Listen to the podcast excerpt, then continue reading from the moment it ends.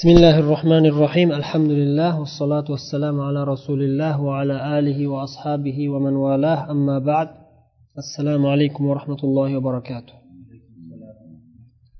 رياض الصالحين kitobidan o'qiyotgan darsimizni davom ettiramiz qirq ikkinchi hadis عن ابن مسعود رضي الله عنه قال لما كان يوم حنين آثر رسول الله صلى الله عليه وسلم ناسا في القسمة الحديث ibn masud rivoyat qiladilar hunayn kuni bo'lganda deydilar ya'ni hunayn g'azoti bo'lgan kuni hunayn g'azotini eshitgansizlar makkani fath qilingandan keyin toif qoladi toif fath qilgani yo'lda ketayotganda hunayn degan joyga borganda mushriklar toif mushriklari ya'ni o'sha yerda bekinib olib tog'li joyda to'satdan hujum qilib qolishadi. Keyin bir qancha musulmonlardan bir qanchalar qochib ketib qolishadi. Undan oldin biz ko'pmiz endi bugun yengilmaymiz deb faxrlanib sal mag'rurlanib qolishgan bo'lishadida olloh shu yerda ham demak dars berganki gap ko'pchilikda emas kuchlilikda emas. Gap ollohni nusratida kimga olloh nusrat bersa? Deb alloh taolo oyat nozil qilganku nusrat faqatgina ollohni huzuridan keladi. Olloh kimga nusrat bersa o'sha g'olib bo'ladi. O'shanda musulmonlar mag'lubiyatga uchrab qolishadi boshida. To'satdan hujum bo'lganini ko'rib tog'lar orasidagi joylardan daraxtlarni orqasidan kamonlar bilan hujum qilib qolganda qochib ketishadi ko'pchilik. Payg'ambarimiz sollallohu alayhi vasallam sobit qadam turarlar va u kishini atroflarida bir qancha sahobiylar kuchli kuchli iymonlari kuchli sahobiylar sobit qadam turishadi. Va rasululloh sollallohu alayhi vasallam nido qiladilarki ana nabiyu la kadib ana ibn abdul muttolib deydilar bu nidolarga sabab ya'ni ba'zi odamlar musulmonlar mag'lubiyatga uchraganini ko'rib ya'ni boshlanishida ya'ni zohirida mag'lubiyatga uchraganini ko'rib ba'zi odamlar muhammad deyishadida. Mana muhammad sehri ana bugun bekorga chiqdi. Bugun bugun mana bugun muhammadni sehri ochilib ochilib ketdi. Sehr qilgan ekan. Yo'qoldi sehri tugadi deyaveradi ba'zi bir kofirlar. Musulmonlar tarafida ham kofirlar bo'lgan o'sha payt chunki ahli makka endi ya'ni islomga kirish boshlagan. Fath makkadan keyin qanchalari sal islom kirmagan kiraymikin kirmaymikin deb turgan payti bo'lgan o'shanaqalardan shunaqa gaplar chiqib ketadi. Ular musulmon taraf musulmonlar tarafida bo'lgan ular urushmasa ham musulmonlar safida kelayotgan bo'lgan shunaqa gap bo'lgandan keyin odamlar ta'sirlanib qochib ketayotganini ko'rib rasululloh sollallohu alayhi vasallam aytadilarki men haqiqiy payg'ambarman yolg'on emas.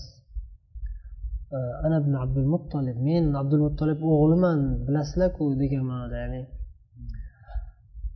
keyin qaytib kelishadi odamlar payg'ambarimiz sollallohu alayhi vasallamni sobit qadam turganliklarini sahobiylarni kuchli sahobiylarni sobit qadam turganliklarini ko'rib iymoni zaiflar tavba qilishib qaytib kelishadi va yana jihodda davom etib g'olib bo'lishadi keyin ana shunda keyin o'sha toif havazin qabilasi bor faqif qabilasi asosiy ikkita katta qabila shular kofirlar o'shalar bo'lgan. Saqif bilan havazin.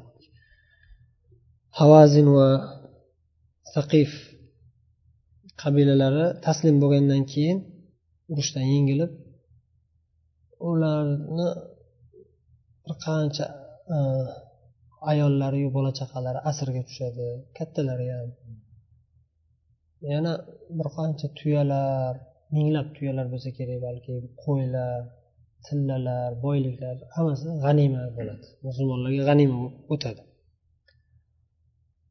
Shunda rasululloh sollallohu alayhi vasallam qo'lga tushgan asirga tushganlarni ozod qilib yuboradilar ular ozod qilinadi shu. Lekin mol mulklari bo'lsa g'animaligicha saqlanib musulmonlarga tarqatiladi.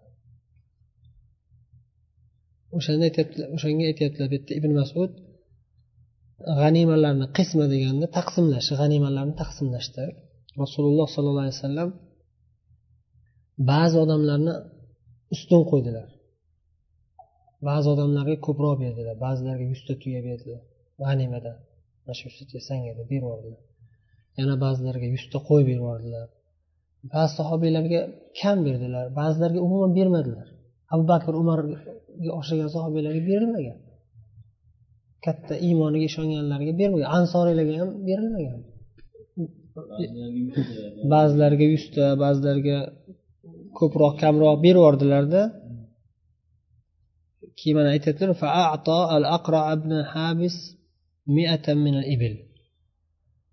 aqro ibn habis degan kishiga yuzta tuya berdilar. Ibn hisn degan kishiga ham shunday yuzta tuya berdilar. min ashrofil arab arab qabilalarni ichida sharaflilariga degan. ya'ni obro'li. O'sha o'zini qabilasini katta sayidi eng e'tiborli hurmatli boshlig'iga har bir qabilani kattalariga shunaqa katta katta berdilar. Ana shu kuni taqsimlashda rasululloh sollallohu alayhi vasallam ana shularni ustun qo'ydilar ya'ni ularga ko'p ko'p g'animalardan berib berib yubordilarda ba'zi bir sahobiylarga hech narsa bermadilar ba'zilariga kamroq berdilar.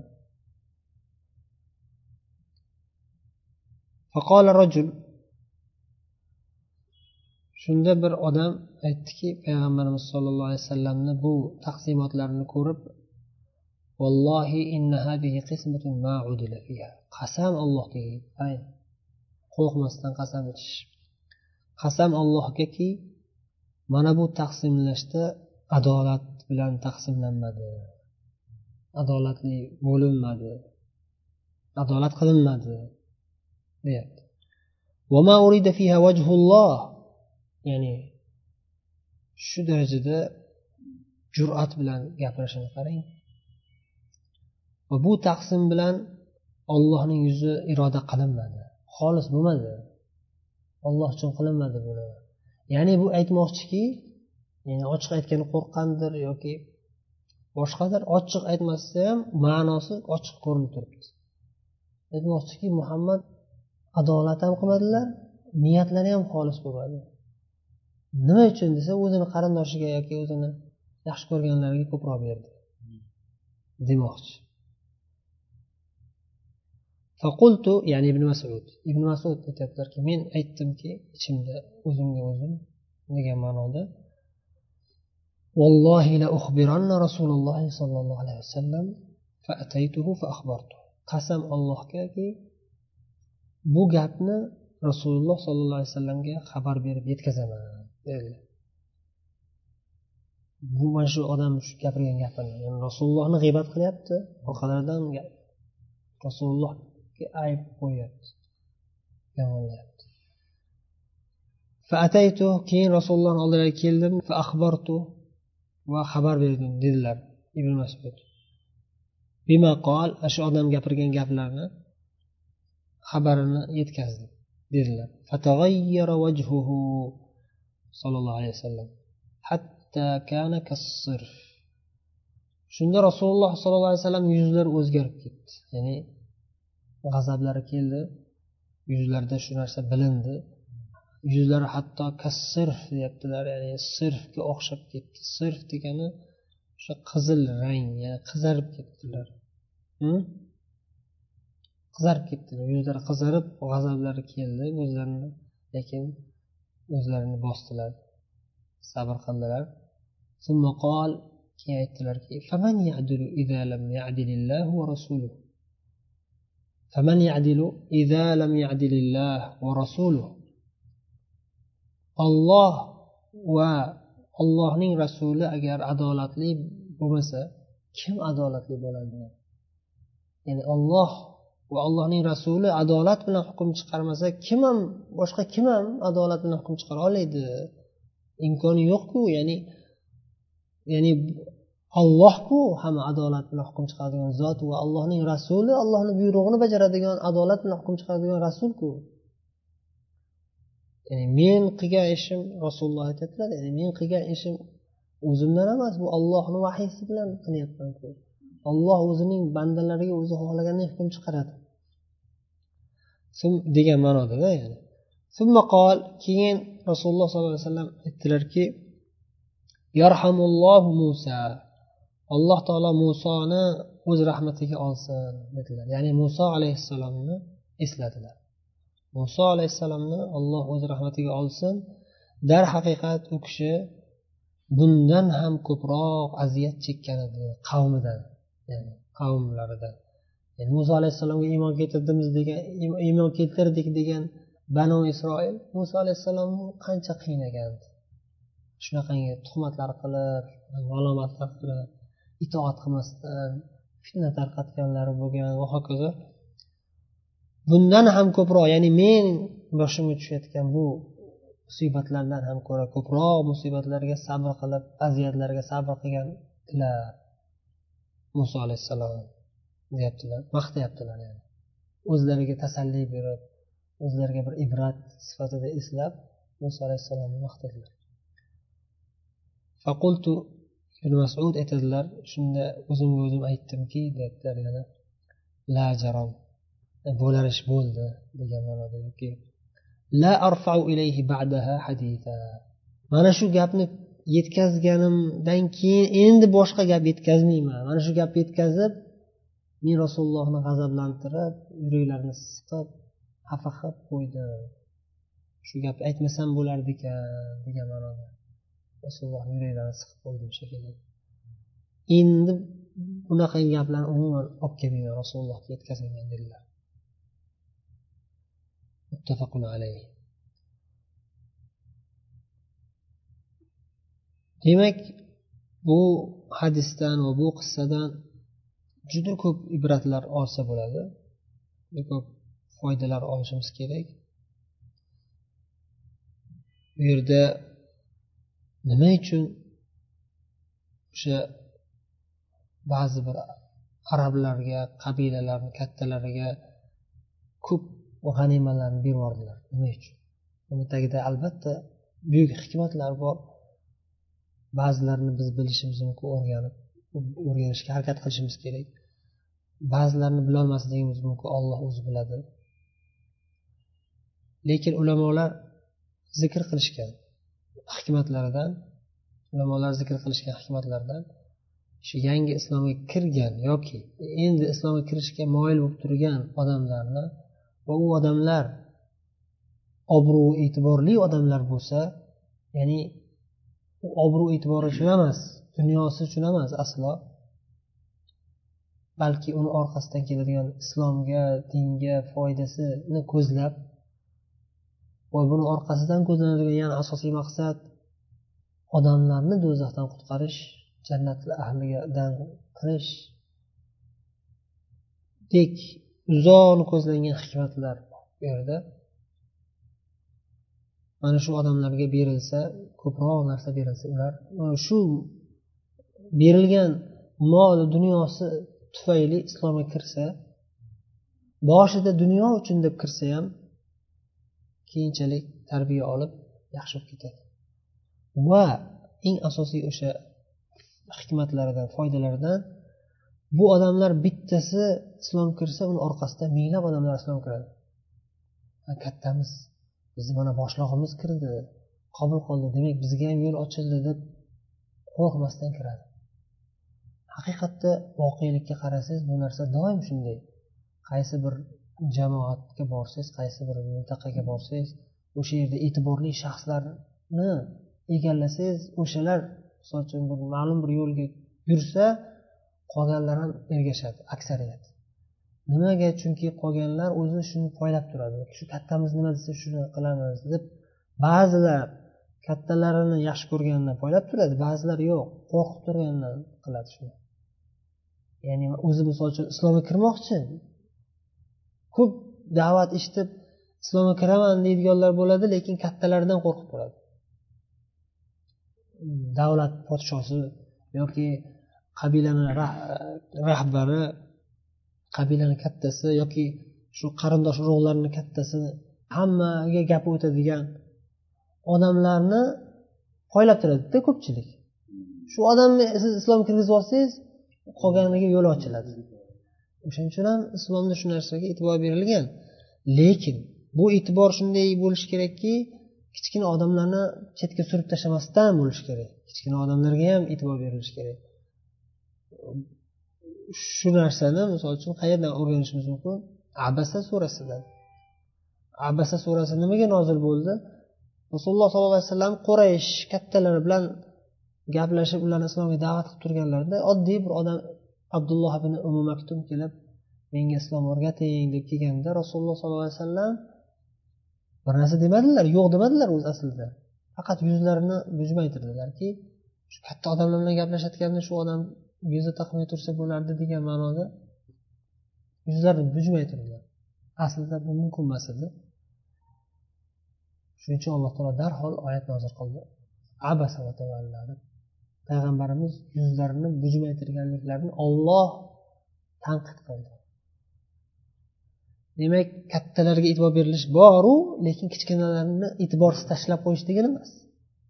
Kichkinalarga ham oddiy odamlarga ham kambag'allarga ham albatta chiroyli uslubda yumshoq so'zlar bilan islom da'vatini islom ilmlarini o'rgatish kerak. Va qanday qilsak ularni islomga moyil qilish o'rganishimiz kerak va shuni tadbiq qilishimiz kerak? Mana bu yerda rasululloh sollallohu alayhi vasallam aqro ibn habis bu ham bir arobiy bo'lgan va o'sha o'zini qavmini kattalaridan bo'lgan. Keyin islomga kirgan bular shu tufayli payg'ambarimizni yaxshi muomalalarini ko'rib xuddi shuningdek uyaynat ibn hison degan g'atafon qabilasini kattasi bu ahzobda bilasizlar qissasini ahzob g'azotida g'atafon qabilasini payg'ambarimizga qarshi urushga boshlab kelganlar o'sha payt ham mol mulk uchun kelganligi ko'ringan. Bu odamga shu mol kerak. Boylik kerak bo'lgan. Shuning uchun yashaydi bu dunyoda. Shu narsa berilsa rozi bo'ladi va mayli musulmon bo'laymi sizlar uchun? Mayli musulmon bo'laman deb musulmon bo'lib qo'yaveradigan mana manga boylik bo'lsa bo'ldi sizlar bersanglar sizlar dininglarga kirib ketaveraman degan ma'noda bo'lgan boshida boshida keyinchalik sekin sekin islomiy tarbiya ta'sir qilib yaxshi bo'lib ketgan bu ham baribir qo'polligi qolgan bo'lsa ham lekin haqiqiy musulmon bo'lgan. Keyinchalik. Lekin qachon bo'lgan u? Boshida yaxshi muomalalardan keyin bo'lganda shunaqa yuzta tuya berilgan keyin yana boshqa g'animalardan keyinchalik yana berilgan yana yaxshi bo'lib ketguncha shunday qilingan. Imkoniyat bo'lsa albatta yo'q narsani olib kelib berilmaydi. Shunaqa fursat kelib qolganda berilsa yaxshi islomga foyda bo'ladi. Chunki buni orqasidagi g'atafon qabilasidagi qancha qancha odamlar shu odamni poylab turadi shu odamdan qo'rqib turishadi. Bu odam ruxsatsiz islom kirsak o'ldirib yuboradi bizni deb qo'rqib bo'ladi.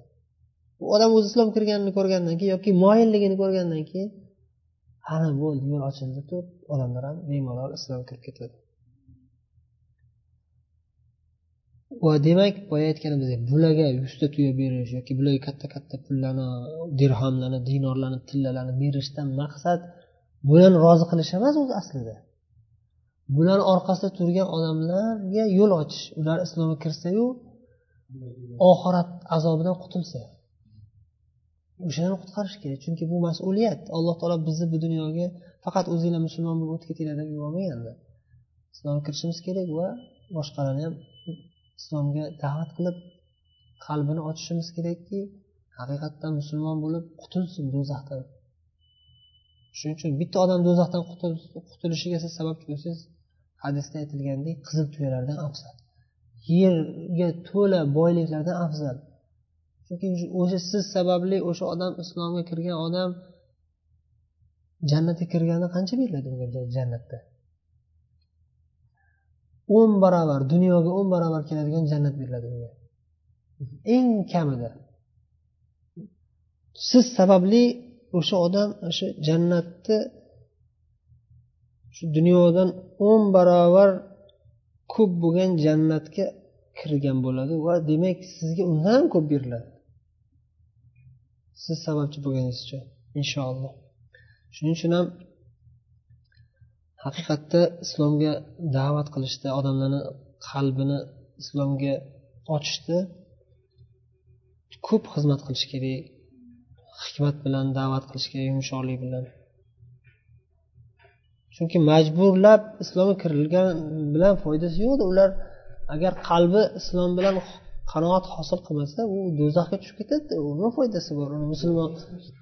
Birovni siz majburlab qo'pollik bilan islomga kirasanmi kirmaysanmi deb kirgizganingizdan foyda yo'q. Bizni maqsadimiz oxirat o'zi. Bu dunyoda man musulmon bo'ldim deb yashab yurganim uchun foydasi yo'q. Haqiqatdan qalbi islom bilan qanoat hosil qilib kirishni xohlaydi shuni bizga shu bizga kerak. Bizga kerak narsa shu ya'ni haqiqatdan islomni muhabbati bilan islomga kirish kerak. Shuning uchun rasululloh sollallohu alayhi vasallam mana shunday katta katta pullarni ayamasdan beraverardilar. Ko'p qissalarni eshitgansizlar o'zinglar boshqa hadislarda ham. Man shu sizlarga haligi yana bitta odamga bir to'da qo'y berib yuborganlarida qabilasiga borib aytadiki ey odamlar islomga kiringlar men sizlarga shunday odam oldidan kelyapmanki kambag'allikdan umuman qo'rqmas ekan bu odam.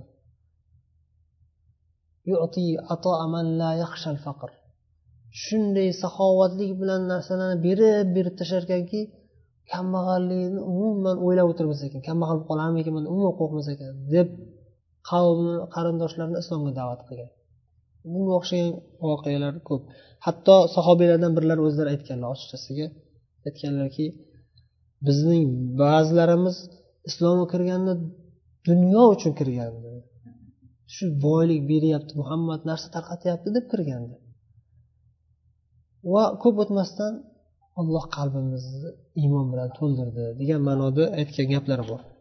Yana shu hadisdan olinadigan foydalardan muhim foydalardan odamlarni tabiatida shoshilib tanqid qilish bor. Bir narsani ko'rsa darrov tanqid qilishga shoshiladi. Besabrlik bor. Bu tagida qandaydir bir hikmatli narsa bo'lishi mumkin deb sabr qilib turolmaydi. Mana odamga o'xshab rasululloh sollallohu alayhi vasallam ba'zi bir arablarga o'sha qabilalarni kattasiga ko'pgina ko'pgina berib yuborganlarini ko'rib sabr qilolmasdan tanqid qilib vaholanki bu ishni qilayotgan zot rasululloh o'ylamasdan shuni shoshilib tanqid qilib lekin rasulullohni eng asosiy oladigan foydamiz rasulullohni xulqlari. Rasulullohni xulqlari qanchalik sabrli bo'lganliklari va kechirimli bo'lganliklari. Qo'l ostilarida o'n minglab odamlar turibdi. Ko'zlarini qisib qo'ysalar ham o'lib yuboradi odamlar haligi odam hech qanday zarar bo'lmaydi rasululloh lekin unday xohlamasdilar. Kechirimli bo'lganlar. Va boshqa hadisda keladi sahobiylardan birlari ey rasululloh menga ruxsat bering o'ldirib yuboray deydi. Ha aytadiki bir odam keladi rasululloh oldilariga ochiqchasiga kelib aytadi idil ya muhammad fa innaka lam ta'dil yuzlariga ey muhammad adolat bilan hukm chiqar sen adolat bilan hukm chiqarmading deydi shunda vayhak من يعدل إذا لم أعدل إذا لم يعدل الله ورسوله أو كما قال صلى الله عليه وسلم إذا أنا لم أعدل vayhak holingga voy bo'lsin agar men adolat bilan hukm chiqarmasam mendan boshqa kim adolat bilan hukm chiqaradi men ollohni rasulimanku degan ma'noda rad beradilar lekin indamaylar keyin shunda sahobiylardan birlar yo rasululloh bu munofiqni o'ldirib tashlayman kallasini olib tashlayman ruxsat bering desalar yo'q dedi ruxsat bermaydi دعه فإن معه رجالا أو فإنه يخرج من ضئضئ هذا قوم تحقرون صلاتهم إلى صلاتكم تحقرون صلاتكم إلى صلاتهم وصيامكم إلى صيامهم e qo'y buni dedilar bu hali buni avlodidan yoki buni bundan keyin shu odamni tabiatidagi odamlar chiqadiki shunga o'xshagan tabiatli odamlar chiqadiki ular shunaqa namoz o'qiydi sizlar o'zinglar namozinglarni unga taqqoslansanglar o'zinglarni o'zinglar pastga urasizlar e, bizni namozimizni ishlasamas ekan ro'zinglar ishlasamas ekan ro'zamiz deb yuborasizlar shunda shu darajada dinga qattiq kirib ketadiki keyin aytdilar o'sha يمرقون من الدين كما تمرق السهم كما يمرق السهم من الرمية dindan shunday chiqib ketadilarki bu yog'idan kirib bu yog'idan tez chiqib ketib qoladilar xuddi bir e, narsani ovlaganda kamonni otganda bir qush ovlaganda bu yog'idan kirib bu yog'idan chiqib ketgandek tez chiqib ketib qolishadi dindan kirib Va havorijlar sifati haqida ko'p hadisda kelgan. Shunaqa. Bu ham bir havorijlarni sifatidan biri. Rasulullohga e'tiroz bildirib rasulullohni tanqid qilish. Havorijlarni sifati bu va bu odamni bularni keyingi bular avlodidan yoki bularni orqasidan shunday odamlar chiqadiki deganlari keyinchalik chiqqan usmon roziyallohu anhuga qarshi chiqqanlar usmonni qatl qilishgan fitna qo'zg'ab va ali roziyallohu anhuga qarshi chiqqan havorijlar toifasi.